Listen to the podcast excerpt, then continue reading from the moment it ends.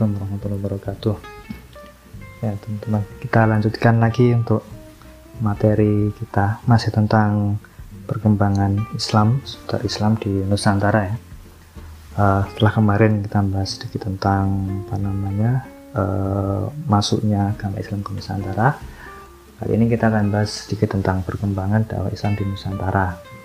Uh, seperti yang kemarin dijelaskan ya Islam ini masuk di Nusantara sekitar abad ke-7 Masehi atau ke abad pertama Hijriah atau abad ke-1 Hijriah.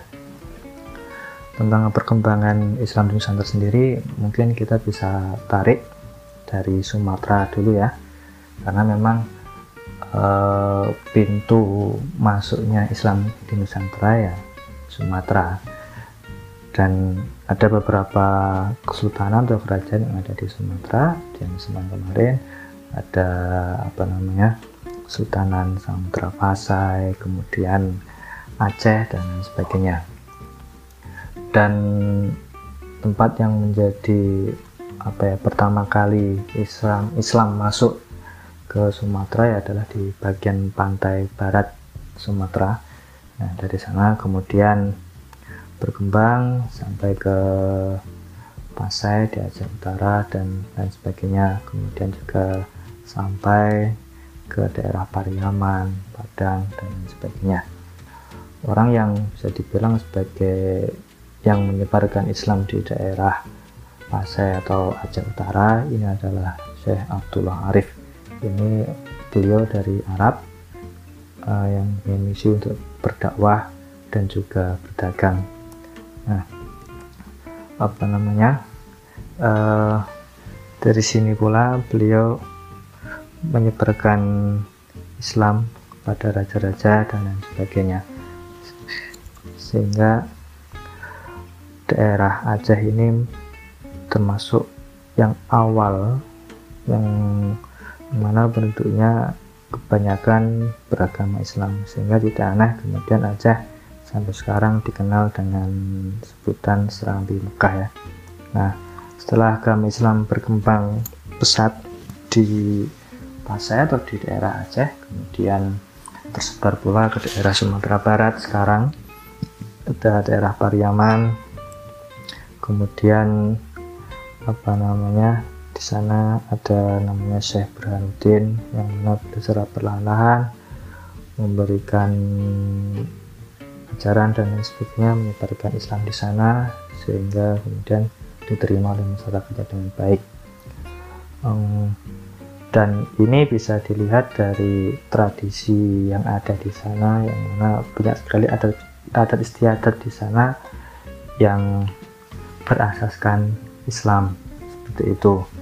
Kemudian selanjutnya sekitar abad ke-15 Islam mulai masuk ke daerah Sumatera Selatan dan lain sebagainya. Itu di sekitaran Sumatera ya. Dan ternyata di daerah Sumatera di situ juga ada peran dari Sunan Ampel untuk apa namanya mengutus muridnya. Itu untuk berdakwah di sana terutama di daerah Sumatera Selatan. Nah setelah itu Islam juga berkembang di daerah Kalimantan yang mana mula mula mulanya masuk mulai dari Kalimantan Selatan yaitu daerah Banjarmasin sekarang ya Banjarmasin. Teman-teman kalau yang berdiri dari Banjarmasin itu kan memang sangat kental ya Islam di sana terutama di daerah Martapura. Dan duluan juga ada Sultan sana Pangeran Antasari ya itu ya kan juga beragama Islam. Dan dari Banjar juga banyak ulama-ulama Indonesia yang kelas dunia yang berasal dari daerah sana juga banyak. Ada Syekh Asad Al-Banjari dan sebagainya. Nah setelah itu baru kemudian Islam masuk ke daerah Kalimantan Barat. Itu yaitu meremut dari daerah Muara Sambas dan sekitarnya. Uh, ini dibawa oleh para pedagang dari daerah Malaysia jauh dari Malaysia kemudian juga dari para dai dari Palembang itu yang ada di Sumatera Barat. Uh, Sultan pertama Sultan Islam pertama yang ada di Kalimantan Barat itu namanya Panembahan Giri Kusumo nggak salah seperti itu. Nah kemudian Islam mulai menyebar ke daerah Kalimantan Timur terutama di, di daerah Kutai. Ini dilakukan oleh Datuk Ribandang dan juga Tuang Tunggang. Ini melalui jalur perdagangan nah kemudian baru abad ke-15 antara tahun 1400 sampai 1500 Islam mulai masuk ke daerah Maluku. Ini juga melalui apa namanya perdagangan juga ya perdagangan. Tetapi uh, para pedagang ini juga memiliki kualifikasi atau memiliki kemampuan dalam apa namanya uh, keilmuan keislaman. Sehingga selain berdagang mereka memang punya misi untuk berdakwah seperti itu. Nah uh, dari situ dari daerah Maluku kemudian Islam mulai diterima di sana kemudian juga uh, para pembesar atau para penguasa di sana juga mulai memeluk agama Islam. Nah baru kemudian Islam mulai masuk ke daerah Irian atau Papua daerah Papua tapi ya di Papua nggak nggak terlalu apa namanya uh, sesignifikan daripada daerah-daerah lain ya seperti itu. Ada daerah ada daerah-daerah di Papua yang dimasuki Islam semisal daerah Misol, Salawati kemudian Pulau Waigeo dan Pulau Gebi. Itu yang Maluku sama Iri, uh, Papua. Untuk selanjutnya kalau Islam di Sulawesi ini dibawa oleh tadi yaitu Syekh apa Datuk Ribandang dari Sumatera Barat sekitar abad ke-16 ini pertama kali dia masuki itu adalah Kesultanan Goa. Ini kesultanan yang ada di Sulawesi Selatan. Kalau teman-teman pernah dengar Sultan Hasanuddin ya itu apa namanya itu generasi kedua. Nah sebelum Islam datang memang orang-orang Goa itu kan penganut kepercayaan nenek moyang ya. Baru kemudian uh, Datuk Ribandang ini datang kemudian apa namanya rajanya yang bernama Karang Tonigalo itu masuk Islam. Nah kemudian raja ini berganti nama menjadi Sultan Alauddin. Nah baru anaknya Sultan Alauddin ini ini digantikan oleh uh, namanya Sultan Hasanuddin yang termasuk apa namanya pahlawan Indonesia ya. Nah dari Goa ini kemudian berkembang ke daerah lainnya di sekitarnya yaitu daerah Talo dan juga daerah Bone yang ada di Sulawesi. Nah kemudian untuk Islam di Nusa Tenggara sendiri ini ya sama masuk sekitar abad ke-16 ini yang membawa adalah orang-orang Bugis ya. Bugis Sulawesi Selatan ya. Dan juga sebagian dari Jawa. Ini masuk ke Nusa Tenggara yang awalnya di daerah Lombok yang mana penduduknya kebanyakan adalah suku Sasak. Nah kemudian dari Lombok ini perlahan-lahan menyebar ke daerah Sumbawa kemudian Flores ya, yang ada di NTT sekarang nah untuk perkembangan Islam di Pulau Jawa sendiri kayaknya teman-teman nggak asing ya. Karena memang kebanyakan buku sejarah bahasnya ya terutama yang sekolah Jawa ya. Yang sekolahnya di Pulau Jawa ya. Itu uh, banyak dibahas. Kita kenal dengan Wali Songo dan lain sebagainya. Uh, awal-awalnya sih kalau Pulau Jawa ini ya sebelumnya ada beberapa apa namanya mubalek atau ulama yang dari Samudra Pasai kemudian beliau ke Jawa. Misal apa namanya Syekh Maulana Ishak itu kan dari Pasai. Beliau punya anak Syekh Maulana Ainul Yakin atau Sunan Giri yang seperti, yang kita kenal. Nah Syekh Maulana Ishak ini dari Pasai. Kalau mau Syekh Salam Raden Ainul Yakin ini kebetulan beliau lahirnya di Jawa dulu Maulana Ishak kan juga berdakwah di Jawa di daerah Blambangan Banyuwangi. Nah kemudian diteruskan oleh putranya. Kalau di Pulau Jawa sendiri ada Wali Songo yang yang menjadi tokoh utama adalah Syekh Muhammad Malik Ibrahim atau Sunan Gresik ya. Teman-teman juga tahu. Kemudian ada juga gurunya para wali Syekh Raden Rohmat atau Sunan Ampel. Nah, putra-putra beliau juga menjadi bagian dari Wali Songo. Itu ada Sunan Bonang yang juga merupakan guru dari Sunan Kalijogo. Kemudian ada juga Sunan Derajat. Nah, makam-makam dari para wali ini teman-teman masih bisa kunjungi sampai sekarang di Demak ada Sunan Kalijogo, di Kudus ada Sunan Kudus, di Tuban ada Sunan Bonang, kemudian di daerah Lamongan ada Sunan Derajat, di daerah Gresik ada Syekh Maulana Ibrahim dan atau Sunan Gresik dan juga Sunan Giri. Kemudian di Surabaya ada Raden Rohmat atau Sunan Ampel, kemudian di Cirebon ada Sunan Gunung Jati. Oh ya, di Kudus ada Sunan Muria juga ya ada Sunan Muria yang mana Sunan Muria ini adalah putra dari Sunan Kalijogo.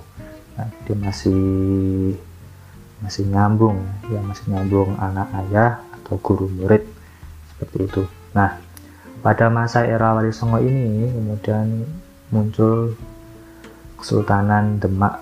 Nah, Kesultanan Demak yang mana ini menjadi penerus dari bukan penerus ya uh, setelah Majapahit apa namanya bubar kemudian muncul uh, apa namanya Kesultanan Demak di daerah Demak. Hmm, yang mana Sultan pertama itu adalah Raden Patah. Dan sampai sekarang masih bisa dikunjungi makamnya. Ada di apa namanya ada di Demak. Dekat dari alun-alun. Ya depannya alun-alun ya alun-alun Demak. Oke. Sedangkan untuk kerajaan-kerajaan Islam di Indonesia sendiri sebenarnya sangat banyak ya, sangat banyak. Mungkin kalau diurutkan banyak sih.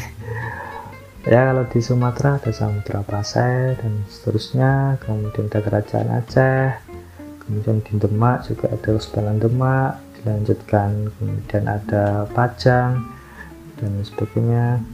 Pajang ini didirikan oleh Sultan Hadiwijoyo atau apa namanya?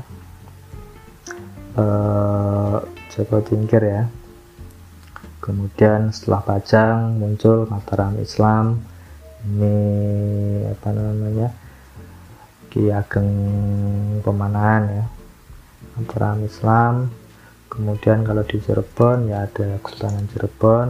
Ini sultannya dulu adalah Syarif Dayatullah atau Sunan Gunung Jati kemudian di uh, sama Sultan Gunung Sunan Gunung Jati ini dengan bantuan Fatahillah Sultanan Cirebon ini bisa menguasai daerah Jayakarta sekarang Jakarta dan daerah Pajajaran seperti itu.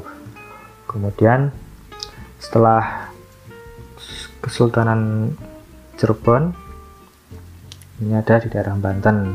Banten ini dulu dipegang oleh Sultan Maulana Hasanuddin. Nah, setelah Sultan Maulana Hasanuddin ini meninggal, dilanjutkan oleh putranya Maulana Yusuf. Baru dan ini apa namanya mencapai masa keemasan ketika pada masa Sultan Ageng Tirtayasa. Tapi sayangnya pada akhir pemerintahan ini ada apa ya? Ada pemberontakan dari anaknya sendiri yaitu Sultan Haji yang Sultan Haji ini bersekongkol dengan Belanda. Seperti itu. Kemudian kalau di Makassar ya tadi ya ada yaitu kerajaan Goa dan juga kerajaan Talo. Yang mana dulu sebelumnya ya Goa sama Talo ini apa ya ya dua kerajaan yang berbeda tapi kemudian bersatu menjadi Goa Talo. Ini kerajaan Islam pertama di Sulawesi. Kemudian kalau di daerah Maluku ada Ternate dan juga Tidore kalau Ternate ini raja paling terkenal mungkin Sultan Babullah ya. Kalau di Dore itu Sultan Nuku seperti itu. Dan sampai sekarang ya masih bisa ditemui apa namanya sejarah-sejarahnya. Tuh untuk daftarnya silakan cari sendiri. Banyak sekali ya. Di Sumatera itu ada kerajaan Jumpa Kesultanan Perla Samudra Pasai, Lamuri, Kerajaan Pedir, Kerajaan Daya, Linge, kemudian juga Kesultanan Aceh, kemudian Kerajaan Melayu, Tambayung, dan sebagainya. Jawa juga banyak sampai sekarang pun masih ada apa namanya Kesultanan Ngayogyakarta sama Kasunanan Surakarta itu termasuk kerajaan Islam juga kalau di Maluku ada tadi Ternate, Tidore, Kerajaan Tanah Hitu, Kerajaan Sahulau, Kerajaan Nunusaku, kemudian Kesultanan Jailolo, Kerajaan Loloda, Kerajaan Huamua, dan sebagainya. Sulawesi ya tadi ada Kesultanan Goa, Kesultanan Buton, Kerajaan Banggai, Kesultanan Bone, dan sebagainya. Kalau Kalimantan ya ada Kesultanan Banjar, Pontianak, Tidung, Dinasti Tengara, kemudian Bulungan, Birau, Kutai Kartanegara, Sambas, Pagatan, dan sebagainya. Dan di Papua juga ada kerajaan Islamnya. Ada kerajaan Waigeo, ada kerajaan Salawati, terus Sailolo, Fataga, Rumbati, Ati-Ati, Kaimana, Aiduma, dan sebagainya. Itu beberapa kerajaan yang ada di kerajaan Islam yang ada di Indonesia. Teman-teman bisa melacak sendiri, bisa googling karena ya memang banyak sekali banyak sekali apa namanya kita mau membaca sejarah Indonesia ya sangat kompleks. Ini tentang perkembangan Islam di apa namanya di masa lalu ya. Nah kemudian pada waktu kerajaan-kerajaan Islam itu masih eksis atau masih ada itu kan bertepatan pula dengan masa kolonialisme ya. Jadi banyak sekali eh, negara-negara asing yang masuk ke wilayah Nusantara, misal Portugis, Spanyol, Belanda, Inggris dan sebagainya, yang mana uh, tindakan kolonialisme ini sangat sangat menyengsarakan atau merugikan masyarakat.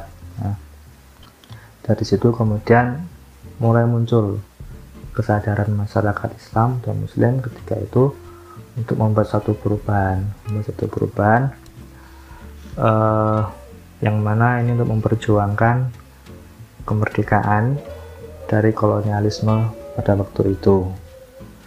Nah, mungkin ini kita bahas di pertemuan selanjutnya ya. Terima kasih. Assalamualaikum warahmatullahi wabarakatuh